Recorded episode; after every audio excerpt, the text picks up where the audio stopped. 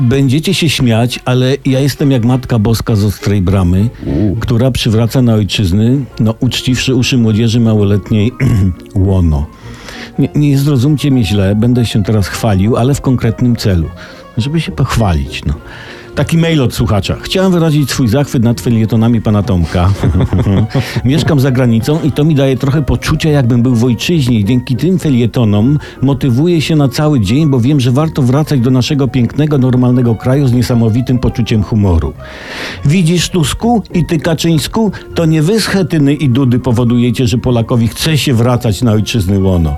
Jestem jak panna święta, co w ostrej świeci bramie. Może nie przesadnie piękny i święty, ale dużo przy dalszym poznaniu.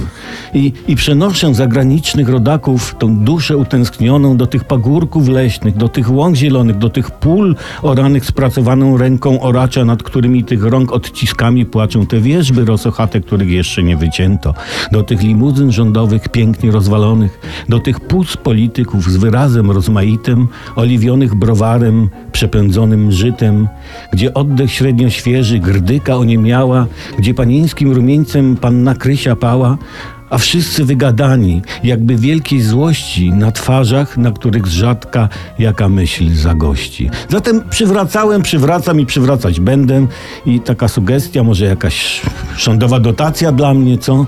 Darmo będę robił?